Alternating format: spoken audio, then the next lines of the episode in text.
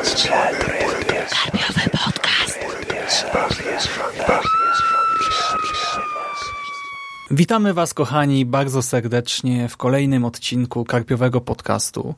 Po tej stronie mikrofonów witają się z Wami Szymas, cześć wszystkim, oraz Michał i Paweł. Cześć Wam. Cześć. Niestety nie ma z nami Agnieszki z powodów od niej niezależnych, chociaż w sumie to Wykuwa sobie nie wiem. zbroję, no, trzeba to powiedzieć szczerze. Tak, kuje zbroję, szyje sukienki, w ogóle jakieś dziwne rzeczy się zadziały, w związku z czym nie dotarła dzisiaj na nagranie, ale uznaliśmy, że pomimo tego, jakby nie patrzeć, no problemu, tak dużego braku, postanowimy, spróbujemy pomimo wszystko nagrać tę obiecaną wam recenzję, a będzie to właśnie recenzja, omówienie, próba analizy, opowiadania Howarda Phillipsa Lovecrafta pod tytułem, no właśnie, pod jakim tytułem, bo jest to opowiadanie, które w Polsce, o ile mi wiadomo, ma co najmniej trzy tytuły. Chodzi o oryginalne opowiadanie The Color Out of Space, czyli w polskiej wersji językowej Kolor, który spadł z nieba, Kolor z przestworzy, to jest chyba ten najbardziej znany tytuł, i tłumaczenie to najnowsze, płazy, kolor z innego wszechświata. Ja przyznam, że dla mnie to nowe tłumaczenie już mi się tak wryło w głowę, że już troszkę zapomniałem, jak te stare brzmiały nawet. No ja jeszcze cały czas myślę tym kolorem z przestworzy trochę, ale to przez to, że po prostu używałem tego tytułu przez wiele, wiele lat, nie? I teraz... No ja mam podobnie, podobnie mam, ale ten tytuł nowy myślę, że szybko się umocni, umocni swoją pozycję, tak bym powiedział. Pewnie tak, miną ze dwa lata już będziemy kojarzyli pewnie ten nowy. W każdym razie przypomnijmy, że jest to opowiadanie, które to wy właśnie, drodzy słuchacze, drodzy czytelnicy Carpe Noctem wybraliście na temat tego podcastu w głosowaniu y, na fanpage'u Carpe i pojawią się też pewnie kolejne takie głosowania, ale o tym już przeczytacie właśnie u nas na Facebooku wkrótce. A teraz przejdźmy już do samego opowiadania. O czym mówi ten tekst? Otóż y, poznajemy w nim relację pewnego hmm, pracownika budowlanego, inspektora budowlanego, geodety, który sprawdza miejsce, w którym powstać ma jakieś jezioro, jakiś sztuczny zbiornik wodny i napotyka tam takie jakieś dziwne pustkowie uważane przez okolicznych mieszkańców za, za przeklęte. Ludzie niezbyt chętnie wypowiadają się na ten temat. Nasz e, inspektor geodeta udaje się sam w podróż e, przez te tereny i zauważa, że rzeczywiście coś tutaj nie gra. Wyczuwa, że coś jest nie w porządku i postanawia zbadać tę sprawę, przyjrzeć, przyjrzeć się jej bliżej. Odpytuje po raz kolejny mieszkańców, w końcu natrafia na niejakiego Piersa, który to opowiada mu historię rodziny Gardnerów. Rodziny, która zamieszkiwała farmę położoną właśnie na tym współczesnym pustkowiu. Farmę, na którą pewnej nocy spadł przedziwny meteoryt o nieziemskich właściwościach. Meteoryt, z którego prawdopodobnie coś przeniknęło na te okoliczne tereny i właśnie po tym wydarzeniu zaczęły się tam dziać różne dziwne rzeczy, między innymi roślinność i zwierzęta zaczęły mutować, a ludzie zaczęli dostrzegać tam ten właśnie tytułowy kolor z przestworzy, kolor z innego wszechświata, kolor nie do opisania. Chyba tyle wystarczy na taki krótki wstęp, nie? Ja myślę, że tak. Zwłaszcza, że mm, znaczy, ja przyznam, że przejrzałem sobie poza przeczytaniem tego nowego przykładu teraz, e, zerknąłem do naj, najlepszych opowiadań tomu pierwszego e, Lovecrafta. To mhm. było wydane dobrych parę lat, lat, temu przez, żebym się nie pomylił, przez Zysk, tak? Tak, przy, przy, przez tak zysk. Tak, zysk. I tutaj jest troszkę fajnych komentarzy do opowiadania i jest taki no, bardzo, bardzo krótki cytat. Lovecraft pisał o nim, że to bardziej studium atmosfery, a nie zwyczajna opowieść. Koniec cytatu, ale to jest moim zdaniem bardzo tutaj fajny cytat, bo rzeczywiście można właściwie powiedzieć, że nawet jak na Lovecrafta jest to opowiadanie, w którym dzieje się dosyć mało.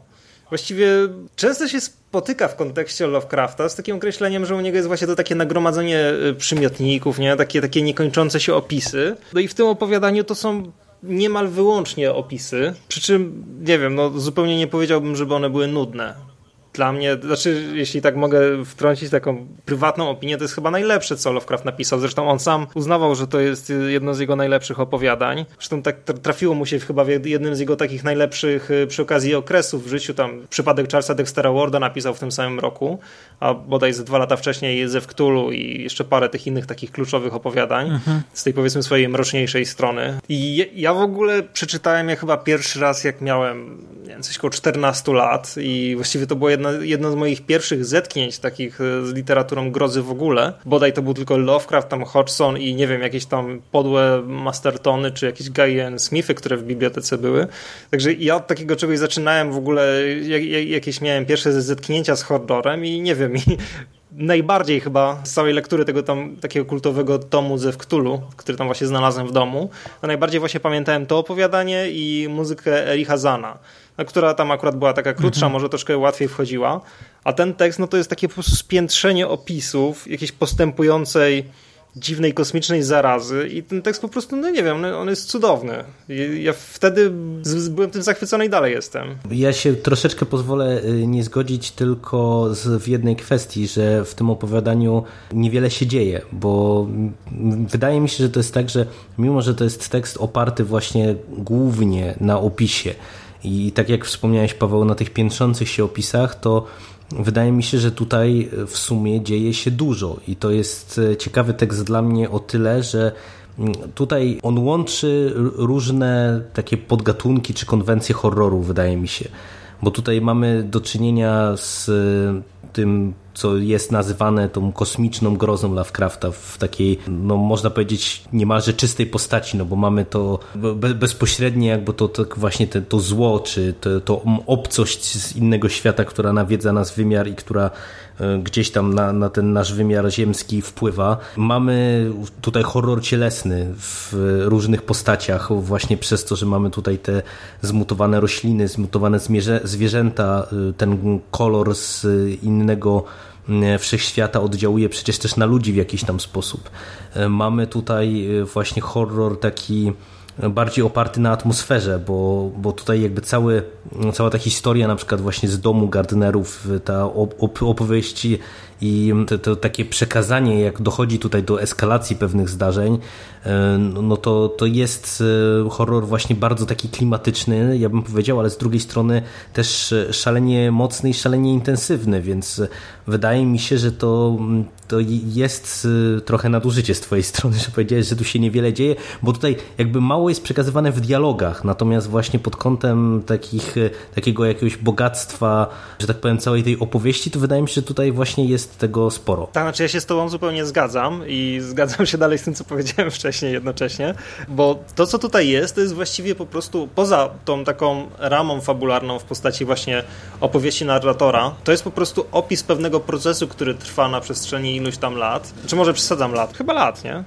Lat. To, to tak, chyba, to lat. Znaczy tam ta eskalacja następuje szybko, ale to chyba generalnie no, sam to proces to jest rozłożony w czasie chyba bardzo trochę mocno. ponad rok właśnie, tak, no, bo po roku pewno... tam się pojawiły te już pierwsze takie nieprzyjemne objawy, mhm. bo najpierw tylko widzieliśmy te pierwsze mutacje, które były dosyć ładne, nie? Atrakcyjne. Tak. Znaczy ja bym to powiedział tak, to, to opowiadanie bardzo kojarzy mi się z Czerwoną Wieżą Ligotiego. Czyli jest to tekst, w którym dzieje się oczywiście bardzo dużo, ale no, no nie wiem, no tak banalnie brzmi, że nie ma w nim akcji. E, ale no jest to po prostu bardzo szczegółowy i taki bardzo uderzający opis e, pewnego długotrwałego procesu, który jednocześnie jest no niesamowicie spójny. Jest stąd to wrażenie, że się tam niewiele dzieje, bo to jest niesamowicie spójne. Mm, to się po prostu to jest, to jest, to jest jeden z takich pięknych przykładów tej definicji horroru, czy jakiejś tam literatury grozy Poego, że to ma być tekst, który jest bardzo spójny, jest możliwy do przeczytania za jednym zamachem, za, za jednym posiedzeniem i jakby jego atmosfera cały czas jest taka właśnie spójna, y, no właśnie, właśnie dlatego w formie opowiadania takie coś wedle tej teorii powinno idealnie się sprawdzać. Mhm, no właśnie, ja się zgadzam z wami y, i z jednym i z drugim, bo no właśnie brakuje tutaj tej akcji w pierwszej chwili, ale jednak po lekturze się tego tak nie odczuwa. Powiem wam szczerze, jeżeli chodzi o recepcję, że mnie się nie chciało tego teraz czytać. Nie wiem dlaczego, znaczy ja też ostatnio sporo czytam w kontekście doktoratu i innych zajęć i jakoś tak po prostu wyjąłem sobie zgrozę w Dunwich, spojrzałem, rzuciłem na łóżko i tak przez trzy dni się zbierałem i tak nie chce mi się, nie chce mi się, no czytałem to kiedyś jakoś, no fajny tekst, ale nie chce mi się w tym momencie po prostu tego czytać, ale jak zacząłem, to musiałem skończyć po prostu, bo pomimo tego właśnie braku akcji, pomimo tej takiej pewnej statyczności, y, to, to wciąga, tak? I chce się przejść przez to całe. Y, nie było żadnego zaskoczenia w moim przypadku, ale pomimo tego no, czytało mi się to bardzo dobrze i na koniec, ja mam wrażenie, że kiedyś w ogóle gdy Lovecrafta czytałem, to robiłem to dużo bardziej bezrefleksyjnie, tak bez żadnego zastanowienia y, i pamiętałem, że właśnie wszyscy chwalą to opowiadanie. Ono dostało y, jakieś wyróżnienie zaraz po tym, jak powstało, znalazło się na jakiejś liście w antologii najlepsze właśnie opowiadania e, w czasach, gdy powstało. E, potem też e, przecież Este Joshi bardzo chwalił ten tekst. Inni też badacze Lovecrafta bardzo go chwalili i w czasie, gdy zajmowałem się moją magisterą, chociaż pisałem o poem, to też niejednokrotnie w różnych książkach czytałem, że właśnie ten kolor z innego wszechświata jest taki niesamowity i no rzeczywiście jest niesamowity. Fascynujące jest to, że mamy tutaj ten kolor z kosmosu, jak gdyby, tak? Z przestworzy coś z innej planety e, i Często w tego typu tekstach e, łączących horror i science fiction mamy jakichś obcych, takich zazwyczaj bardzo konkretnych, tak od razu, jak pewnie mówię teraz, obcy horror science fiction, to ludzie mają w głowie, nie wiem, Aliena albo jakieś ludziki e, z archiwum Mix, coś takiego, czy odpowiednio jakieś tam inne rzeczy, które były w popkulturze, a tutaj właśnie tego nie ma. Tutaj nie ma tego tradycyjnego elementu, e, który jest niby z kosmosu, ale jednak w jakiś sposób ludzki. Tutaj ten kolor jest taki naprawdę obcy, inny, e, jest nieokreślony, jest e, nieznany nam, nie, nie możemy go pojąć, zrozumieć. I do tego, jakie to jest fascynujące, że to jest niby opowieść, która mówi o jakimś pasożycie, tak? Coś jak The Strain chociażby, e, Del Toro i Hogana. Mamy pas, tam pasożyta wampira, mamy, nie wiem, wirusy, e, które zamieniają ludzi w zombie w wielu dziełach popkultury, a tutaj tym pasożytem, znaczy ten pasożyt przybywa pod postacią widma optycznego, spektrum.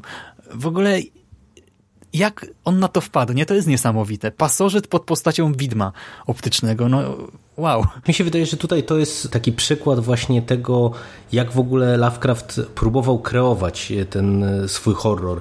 No bo u niego to się często powtarzało właśnie, jak była ta nieeuklidesowa e, geometria na przykład, mhm. E, jak były te właśnie takie rzeczy nie do opisania, to wydaje mi się, że mm, tak jak na przykład, nie wiem, w muzyce Eri Hazana, on też przecież odnosił się tak na dobrą sprawę do jakiejś upiornej muzyki jako formy straszenia, tak tutaj wydaje mi się, że właśnie ten kolor się z tego wziął, że jakby też on jest tam przecież przedstawiane jako, jako coś, co jest nazywane kolorem tylko i wyłącznie jakby z braku, braku innego, innego sposobu określenia tego, z czym mamy do czynienia.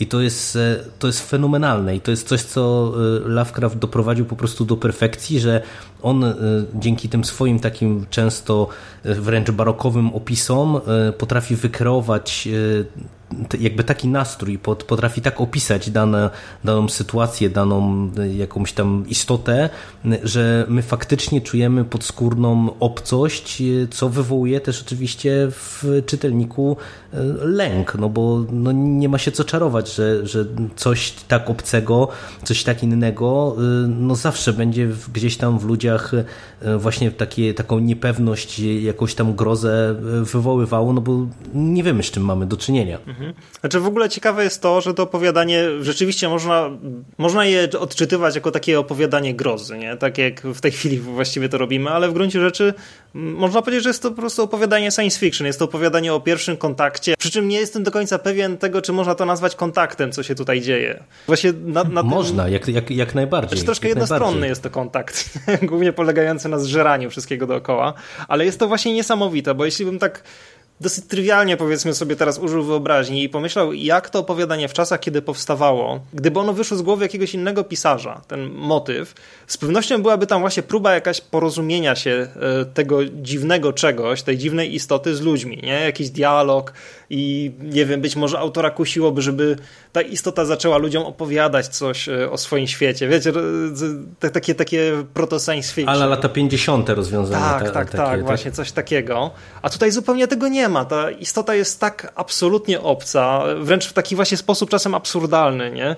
Iż samo to właśnie nowe tłumaczenie tytułu jest, wprowadza taki pewną konsternację, nie? o której tutaj mówiło się sporo mm, w chwili, kiedy właśnie został wydany ten nowy przekład, że inny wszechświat, ale że, czy, czy coś takiego jak inny wszechświat w ogóle może istnieć, skoro wszechświat to jest jakby wszystkie światy zawiera, nie? a ta obcość jest tutaj już wręcz, to właśnie idealnie pasuje, bo ta, ta obcość jest tak niesamowicie obca, że już bardziej jakby nie mogłaby być. Ale przecież no, takie gadanie, że inny wszechświat czy coś takiego istnieje, to też jest trochę bzdurne, bo przecież tak jak kiedyś wierzono, że nie wiem, że Ziemia jest płaska i tak potem pojawiały się kolejne teorie, kolejne teorie, teraz wiemy, znamy jakąś tam część wszechświata, kto wie, co będzie wiadomo ludzkości za, nie wiem, 50, 100, 200, 1000 lat, więc tak naprawdę y, tutaj ciężko jest wykluczyć y, nawet prawdopodobieństwo czegoś takiego. To nie, jest też no fajne, to że... chodziło o to, że wszechświat to byłoby też to, co wtedy by zostało odkryte, bo to jest wszech, nie? Tak to inny świat by był, hmm. a on też by się zawierał we wszechświecie.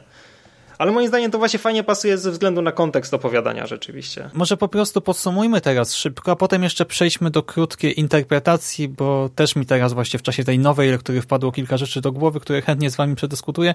Teraz no ja powiem tylko tyle, że polecam, że ten tekst czyta się nawet lepiej w sumie po latach niż kiedyś. Może właśnie przez to, że czytam go teraz bardziej świadomie. Świetna rzecz. No, ja, ja, kiedyś pisałem nawet chyba w, na, w jakiejś tej topce naszej, które kiedyś tam układaliśmy, że właśnie kolor z innego wszechświata to jest dla mnie ścisła czołówka Lovecraftowskich tekstów, bo, bo tutaj się po prostu idealnie udało Lovecraftowi połączyć właśnie takie jego ulubione motywy, które dały naprawdę zupełnie, zupełnie nową jakość i to jest tekst tak samo świeży dzisiaj, jak był te 10 lat temu, kiedy był wydawany, nie wiem, który to był 27 rok chyba, no to, to zaraz będziemy ile? 90 lat? Bez, bez mała świętować tego tekstu i, i on naprawdę nic nie stracił ze swojej mocy. Mhm. No to jest po prostu dla mnie opowiadanie, które jest pewnym wzorcem horroru. To jest dla mnie taka trochę starsza Ligeja od po, po, Poego, czyli taki tekst, w którym moim zdaniem wszystko jest właściwie doskonałe i nie wiem, no po prostu można się z niego tylko uczyć i no czytałem go teraz po raz, nie wiem, który już właściwie, pewnie z szósty, siódmy no i podoba mi się no, co najmniej tak samo mocno, a właściwie bardziej, bo przy okazji właśnie przejrzałem sobie jakieś takie, na szybko przejrzałem też pobieżnie jakieś komentarze do tekstu, których też za, zaraz chciałem też tam parę słów pewnie powiedzieć. No i jak się jeszcze tak wgłębi w to, z czego on się wziął, jakieś takie drobiazgi się powyłapuje, on się właściwie robi jeszcze lepszy. No. Aha, w ogóle chciałem powiedzieć, że też byłem w ogóle strasznie zły, że ten tekst e, został wybrany do tego podcastu, bo tak pomyślałem, Boże, kolor z przestworzy, no to co ja w ogóle mogę o tym mówić, nie? Taki klasyk po prostu totalny, że już, już nie da się czegoś takiego bardziej wymyślić, że, że no, w zasadzie z jednej strony się to potwierdziło, no bo nic złego o tym tekście nie powiemy, to będą takie same pewnie chwalenie i tak dalej, tak jak właśnie robimy, ale no jednocześnie widzę, że może, można się o nim rozgadać. Mhm. I teraz właśnie, jeżeli drodzy słuchacze jeszcze tekstu nie znacie, to zachęcamy do nadrobienia go, a my przejdziemy do próby, nie wiem, analizy, interpretacji, czy chociażby czy po prostu dyskusji na temat tego tekstu. Chcecie od czegoś zacząć, czy... Wiesz co, no dobra, ja mogę wspomnieć o takim właśnie, mm, czytając y, te komentarze do opowiadania z najlepszych opowiadań tomu pierwszego, y, natknąłem się na taki tutaj bardzo fajny komentarz, czy przypis właściwie, który jakby częściowo wskazuje na to, skąd ten tekst się wziął. Otóż w roku 1926 e, w Dolinie Swift River w centralnym Massachusetts miał zostać właśnie zbudowany jakiś nowy zbiornik wodny e, na terenach, e, na których stały wcześniej jakieś osady. I Lovecraft właśnie widocznie spacerował sobie tamtymi miejscami, napawał się właśnie tą taką erozją, która dotknęła to miejsce. Nie? To, to już były takie, takie zapadłe jakieś miejscowości. I po prostu było mu niesamowicie żal, że to miejsce zostanie zniszczone. Tam budowa te, tego jeziora później trwała bardzo długo. W końcu chyba zostało też zrealizowane z poślizgiem, ale właśnie to jest chyba jakiś taki punkt, od którego to opowiadanie się zaczęło. Mhm, ja jeszcze gdzieś czytałem, że właśnie badacze nie są pewni, czy to było to Massachusetts, czy też podobne prace na Rhode Island, ale właśnie w każdym razie wszyscy podejrzewają, że Lovecraft po prostu widział takie prace i to było inspiracją prostu życie wpłynęło na literaturę. Fajna rzecz. No ale ja swoją drogą zastanawiałem się, jak było z rentgenem.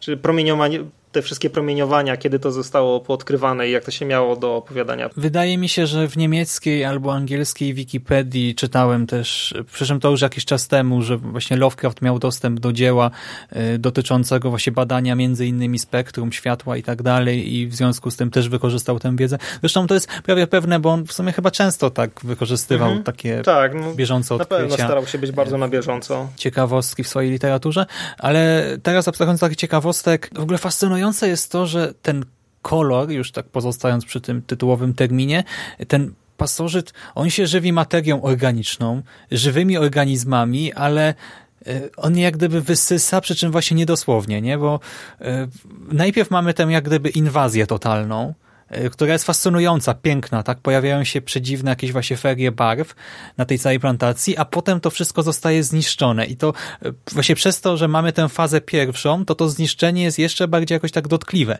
bo my czytamy na przykład, że tam te owoce są wielkie, piękne, wspaniałe, że w ogóle wszystko rośnie cudownie, niby wszystko jest super, a tak naprawdę to jest zwiastun tej totalnej apokalipsy, tego wyssania. I potem Właśnie Jerry powiedział o tym horrorze cielesnym. Mamy te popękane właśnie ciała, jakieś zniekształcone, zmutowane też ludzi, zwierząt. Straszne to jest, jak się o tym myśli, zwłaszcza jak sobie człowiek zacznie to wyobrażać. Ale to, co mnie najbardziej zafascynowało, to to, jak to wpływa na psychologię, może na psychologię, na psychikę postaci. Bo tak się zacząłem zastanawiać, czy ten kolor też nie przejmuje kontroli nad ludźmi w okolicy. To znaczy, e, na przykład wiemy, że Nabi i Tadeusz mówili pozaziemskimi językami, tak? Czyli jak gdyby ten pasożyt dosłownie przejął nad nimi kontrolę i przemówił przez nich. I tak się zacząłem zastanawiać, czy może nie pójść dalej tym tropem i, i czy na przykład możemy założyć, że Nahum, czyli jak gdyby gospodarz pan Gartner nie został przejęty w jakiś sposób i może celowo zamknął na przykład Nabi i Tadeusa na piętrze, a Merwina i Zenasa wrzucił do studni, żeby nie uciekli, żeby byli właśnie tym e, karmicielem, tak? Tak, pożywieniem dla potwora, e, bo teoretycznie przecież oni mogli uciec, opuścić farmę, a jednak nie opuścili. I nie wiemy, dlaczego chłopcy trafili do studni, wiemy za to, to jest oczywiście mój domysł, takie gdybanie teraz, nie mam na to jakichś szczególnych dowodów, ale za to, to, że zamknął żonę i dziecko na piętrze wbrew ich woli, to jest fakt, to jest w tekście. Znaczy na pewno tam były e, takie krótkie wspominki o tym, że picie tej wody ze studni, z zatrutej studni, sprawiało, że byli tacy właśnie bardzo osowiali i wszystko im obojętniało. No przy czym rzeczywiście to może być tylko taka zewnętrzna jakby warstwa. Ale to też jest kolejna rzecz, bo zauważ, że nasz narrator, nasz inspektor geodeta e, właściwie nie, przepraszam, nie nasz inspektor geodeta, że Pierce, czyli osoba, która opowiada tę historię naszemu narratorowi, powiedział Gartnerowi, żeby nie pił tej wody, tak? Właśnie, a Gartner pomimo wszystko stwierdził, że nie ma problemu, że będą ją pili i podawał ją całej rodzinie. Dlatego właśnie ja mam wrażenie, że Nahum, Gartner e, w jakiś sposób jak gdyby zamiast próbować to od siebie odsunąć i od swoich bliskich, wręcz przeciwnie wpędzał ich w to wszystko coraz bardziej, a na koniec jak sobie uświadomiłem, że my nie wiemy, dlaczego Merwin i Zenas rzekomo wskoczyli do studni, to założyłem, że może jednak to ojciec ich tam wpakował. Znaczy to, to jest, jest o tyle dla mnie dyskusyjne, e, że się tak wyrażę, że w po prostu należy wspomnieć o dwóch kwestiach. Że po pierwsze to mhm. takie zamknięcie tych e, z braku innego słowa chorych, e, może tak to ujmę, osób na poddaszu to była typowa praktyka. Kiedyś przecież. No, tu, tu w tej chwili nam się może to wydawać barbarzyńskie czy nieludzkie, ale no, tak to po prostu kiedyś wyglądało, że jeżeli mieliśmy, nie wiem, jakąś osobę niepełnosprawną czy chorą, no ona bardzo często spędzała całe swoje życie w izolacji, e, gdzieś tam w zamkniętym pokoiku właśnie na poddaszu i to jest motyw, który nawet w tej chwili często gdzieś tam w horrorach jest wykorzystywany i powraca e, jako taki już można powiedzieć przetworzony wręcz przez popkulturę. I ja Tutaj jakby nie dopatrywałem się y, złej woli właśnie tego ojca rodziny na Huma, że, że on jakby te, te osoby odizolował, tylko właśnie ja bardziej to odebrałem jako taką y, no, ludową ludowy sposób na to, żeby gdzieś tam no, no się spróbować jakby z tą chorobą zmierzyć.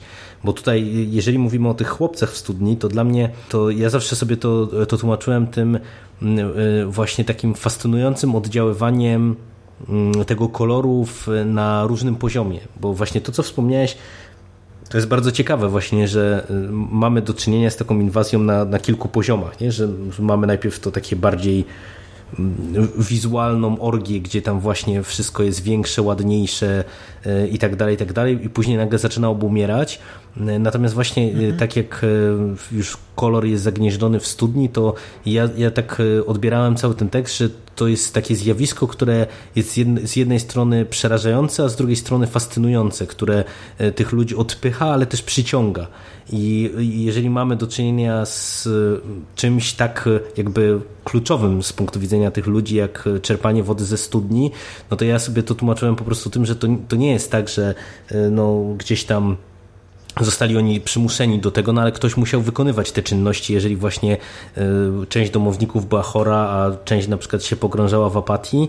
I właśnie ja sobie to tak y, w głowie ułożyłem, że to, to kto wie, czy to nie było właśnie sytuacja taka, że oni po prostu jakby się trochę poddali czarowi te, tego koloru i to, że się znaleźli w studni, to, to właśnie było było takie wyciągnięcie ręki, nie? Że, że wiecie, że została jakby przełamana taka pewna bariera i ta fascynacja spowodowała, że, że po prostu jakby sami się no, jakoś tam poddali czy ofiarowali, wpadając właśnie do studni i, i stając się jakby częścią większej całości. Mhm. Co też no, notabene jest częstym motywem właśnie wykorzystywanym e, właśnie z, jeżeli mamy jakiś taki kontakt z jakimiś istotami e, obcymi czy pozaziemskimi, właśnie to, to taki motyw też często wraca i to, to już jest też jakaś tam klasyka, mhm. można powiedzieć, Ale też jest, klasyczne rozwiązanie. Jest fajny cytat, który sobie tam wcześniej wynotowałem. Mówi to właśnie Nahum Gardner. Znaczy nie mówi to, to są jego słowa powiedzmy. Uważał, że spotkał go dopust Boży, nie miał jednak pojęcia dlaczego. Zawsze był przekonany, że wiedzie życie uczciwe i bogobojne.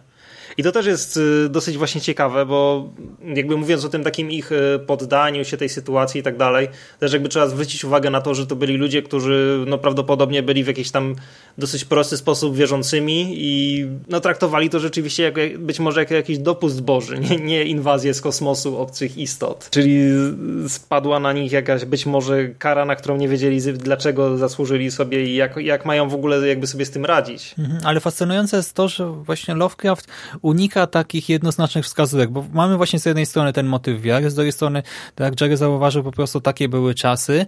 E, z trzeciej strony, no jednak ludzie im sugerowali, żeby się wynieśli, żeby wykopali chociaż nową studnię czy coś takiego. Oni tego z jakiegoś powodu nie robią, e, ale też dowiadujemy się na przykład, że także nasz Pierce, pomimo tego, iż no, nie czuje się najlepiej, że to wszystko mogło mieć na niego wpływ oraz pomimo tego, że miejscowa ludność ma go za wariata, nie opuszcza własnego domu, a zdaje sobie sprawę z tego, że zaraza najprawdopodobniej do tej pory się rozprzestrzenia, minimalnie, ale jednak co roku sięga coraz dalej, coraz dalej, nie ucieka i dopiero narrator jak gdyby to przełamuje i jako ten właśnie nasz inspektor stwierdza, że już nigdy więcej się tam nie zbliży i ucieka, ale pomimo tej ucieczki też nie uwolnił się od tego wszystkiego, bo do dziś, po dziś dzień nękają go koszmary.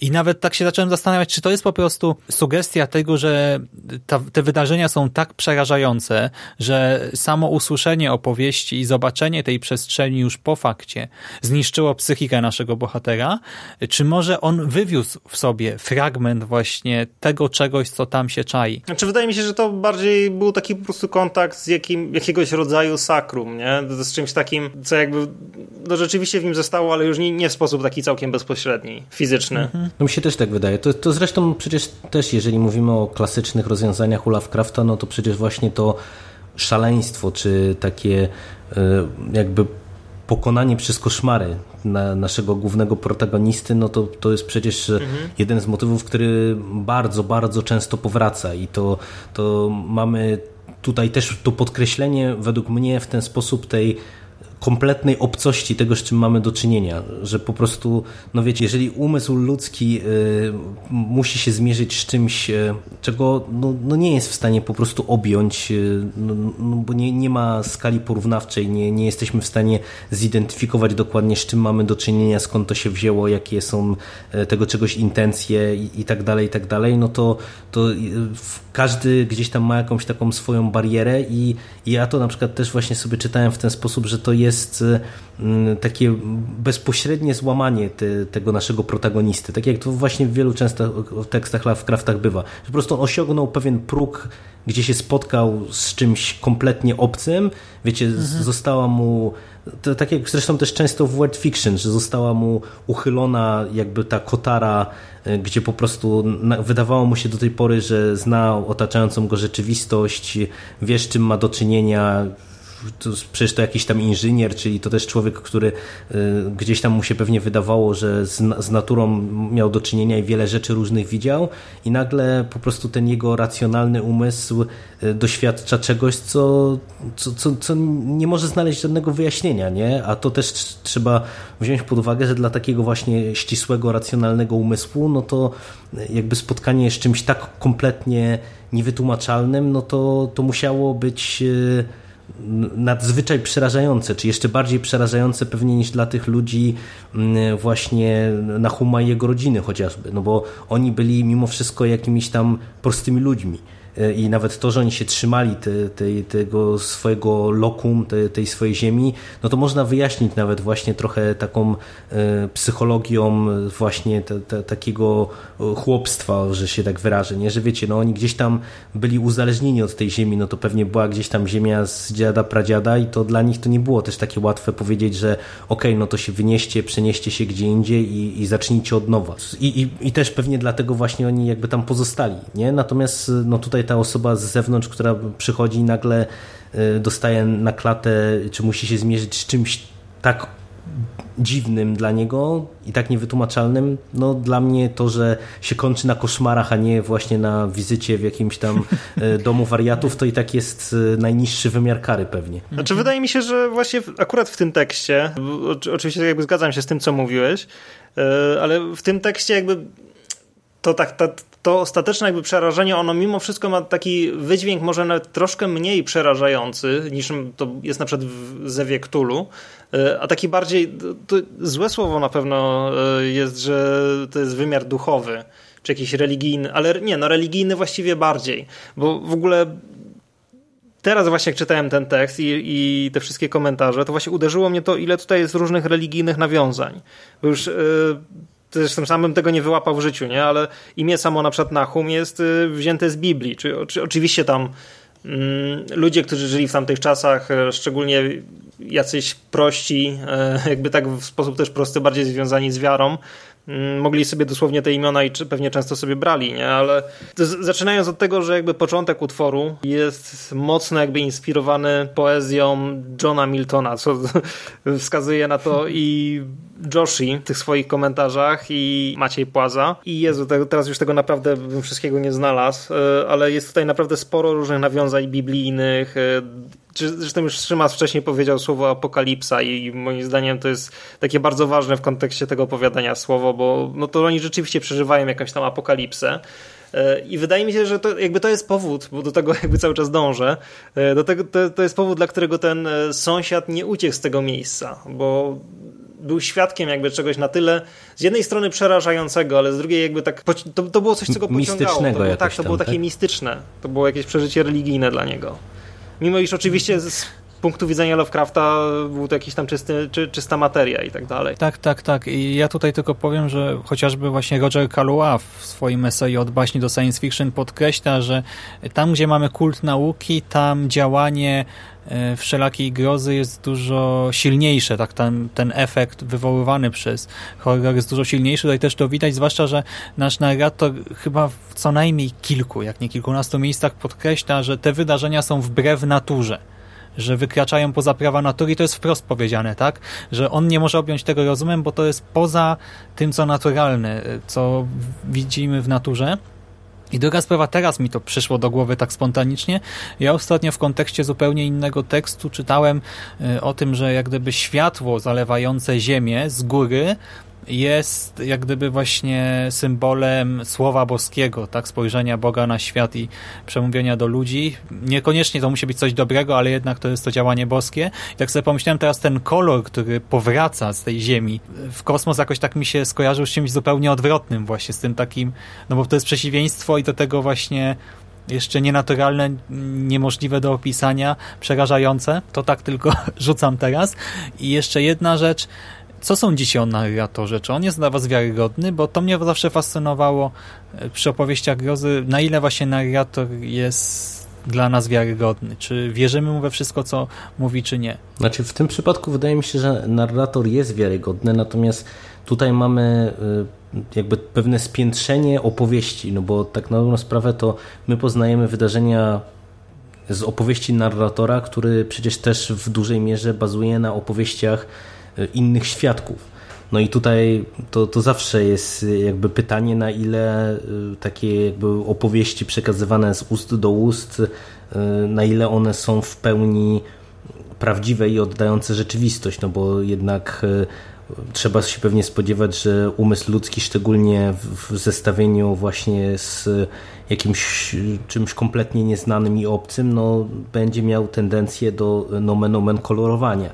Więc e, tutaj tak jak ja e, temu narratorowi wierzyłem i tutaj jakby nie miałem problemu takiego właśnie jak to często, tak jak wspominasz w opowiadaniach grozy mamy do czynienia z jakimś tam takim niewiarygodnym narratorem, tak tutaj no, na pewno jest pewien znak zapytania, na ile właśnie te inne historie i te składowe, te opowieści, które on zebrał jako badacz, że się tak wyrażę, na ile one w pełni oddają rzeczywistość.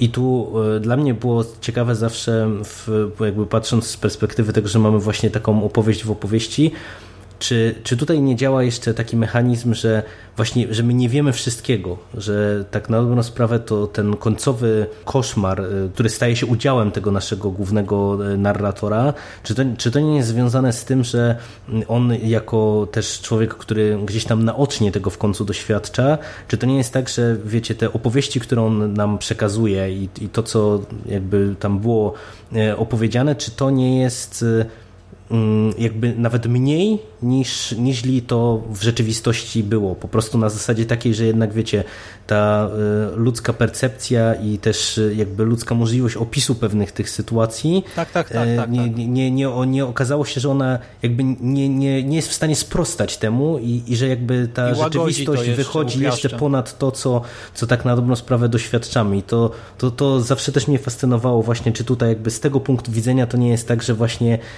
ta, ta rzeczywistość jest jeszcze bardziej przerażająca jeszcze gorsza niż to, co, co jakby wprost niejako jest nam zasygnalizowane i opowiedziane. Ja w ogóle też sobie wynotowałem jakiś jeszcze jeden cytat. Taki, ja uważam, że to jest chyba najmocniejszy taki fragment, jeśli chodzi o opisy jakiejś grozy z tego tekstu. E, średni syn Nahuma, 15-letni wyrostek Tadeusz, przysięgał, że, że szumiały nawet wówczas, gdy nie było wiatru. Wszelako nie potwierdziły tego nawet krążące w okolicy plotki. No to jest oczywiście o drzewach w okolicy. I moim zdaniem właśnie to, to jest dla mnie taki, taki moment kulminacji tego takiego nastroju grozy chyba w tekście.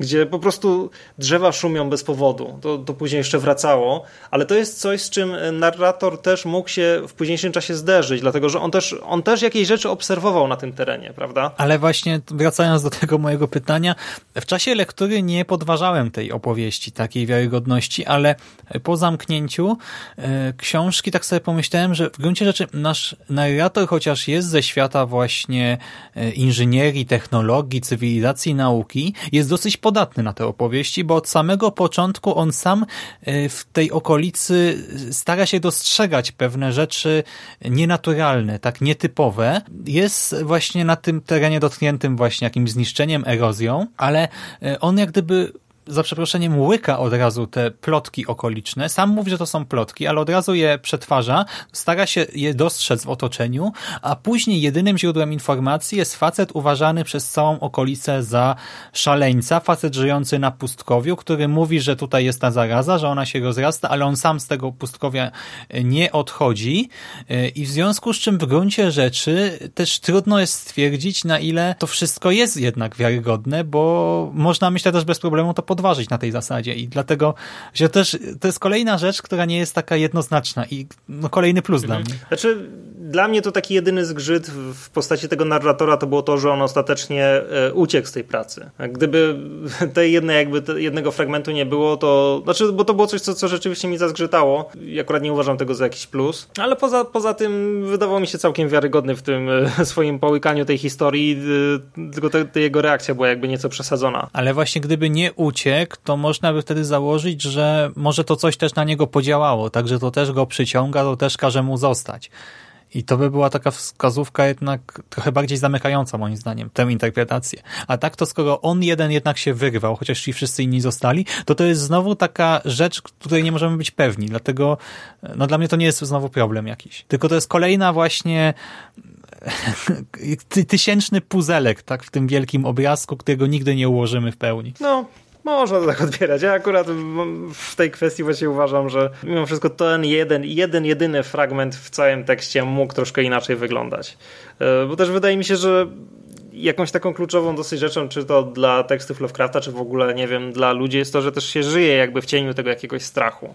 I bardziej sobie wyobrażam narratora, który jakby musi dalej tam pracować z tą świadomością tego, że to jest dziwne miejsce, no ale wiadomo, jest to jakieś jego źródło zarobku, y, został tam wysłany z jakiegoś powodu i musi, ma tam robotę do zrobienia i jakby będzie ją robił z tą świadomością tego, jak dziwna jest ta okolica. No tak, ale przecież my wiemy, że no tam są jeszcze ludzie, którzy e, no, mogą ucierpieć na skutek tego wszystkiego. Zresztą nawet Arkham może ucierpieć, nie w związku z tym rozprzestrzenianiem się zarazy, więc w gruncie rzeczy dla mnie ten wątek jest tam, że, że to zło tam jest, czai się i że ludzie są zagrożeni.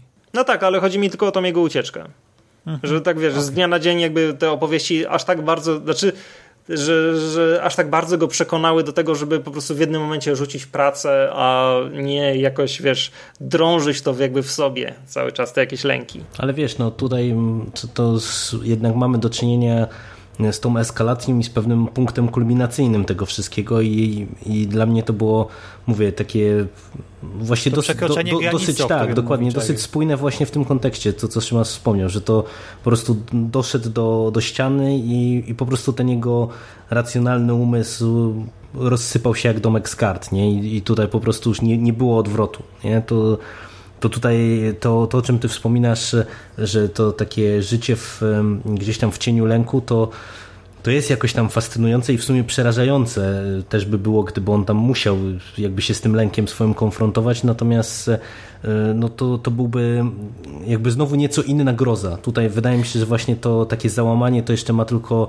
e, dokręcić czytelnikowi śrubę i pokazać właśnie jak, jak bardzo e, przerażającym czymś mamy do czynienia, nie? Jeżeli tak no racjonalny umysł, który gdzieś tam nawet mimo tego swojego tej swojej takiej podatności na, na tą całą opowieść na tą atmosferę, y, gdzie gdzieś tam jednak no no musiał się poddać po prostu temu wszystkiemu. Mhm. I Paweł, żeby zostać tam, to on musiałby być albo sceptykiem, ale wtedy on by nie odczuwał tej grozy, bo on by to wszystko wykluczył, tak, te wydarzenia jako nieprawdopodobne, albo by musiał istnieć jakiś przymus, ale żeby istniał ten przymus, no to pewnie by trzeba było dodać jakiś dodatkowy wątek, nie? I też nie wiadomo, jakby to wpłynęło na opowieść. Bo co by go mogło tam trzymać też siłą? No nie wiem, jakiś kontrakt, coś? No może i tak, ale no już tak trochę gdybamy. No to jasne, jasne, to są takie tylko gdybania. Zresztą no tak, tak naprawdę to nie wpływa w jakiś tam znaczący sposób na odbiór tego opowiadania, więc... Więc tym właśnie gdybaniem zakończymy dzisiejsze nagranie. Dziękuję Wam serdecznie za rozmowę. Dzięki Jerry, dzięki Pawle. No, dzięki również. Dzięki. I dziękujemy także Wam, drodzy słuchacze, że byliście z nami.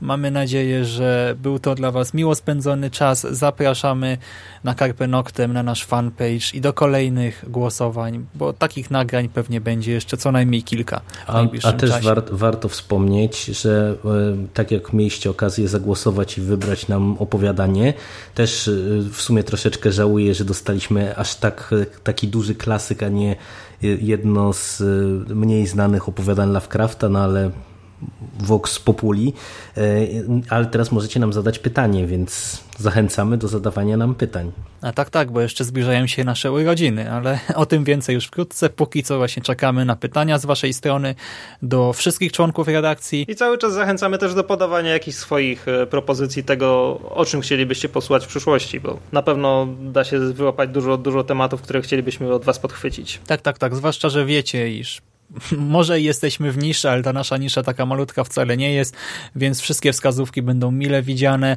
Może nie obiecamy, że wszystko na 100% jakoś szybko omówimy, ale krok po kroku małymi właśnie podkaścikami, tekstami. Mamy nadzieję, że uda nam się zaspokoić waszą ciekawość. I to już wszystko od nas na dzisiaj. Trzymajcie się. Do Cześć. usłyszenia.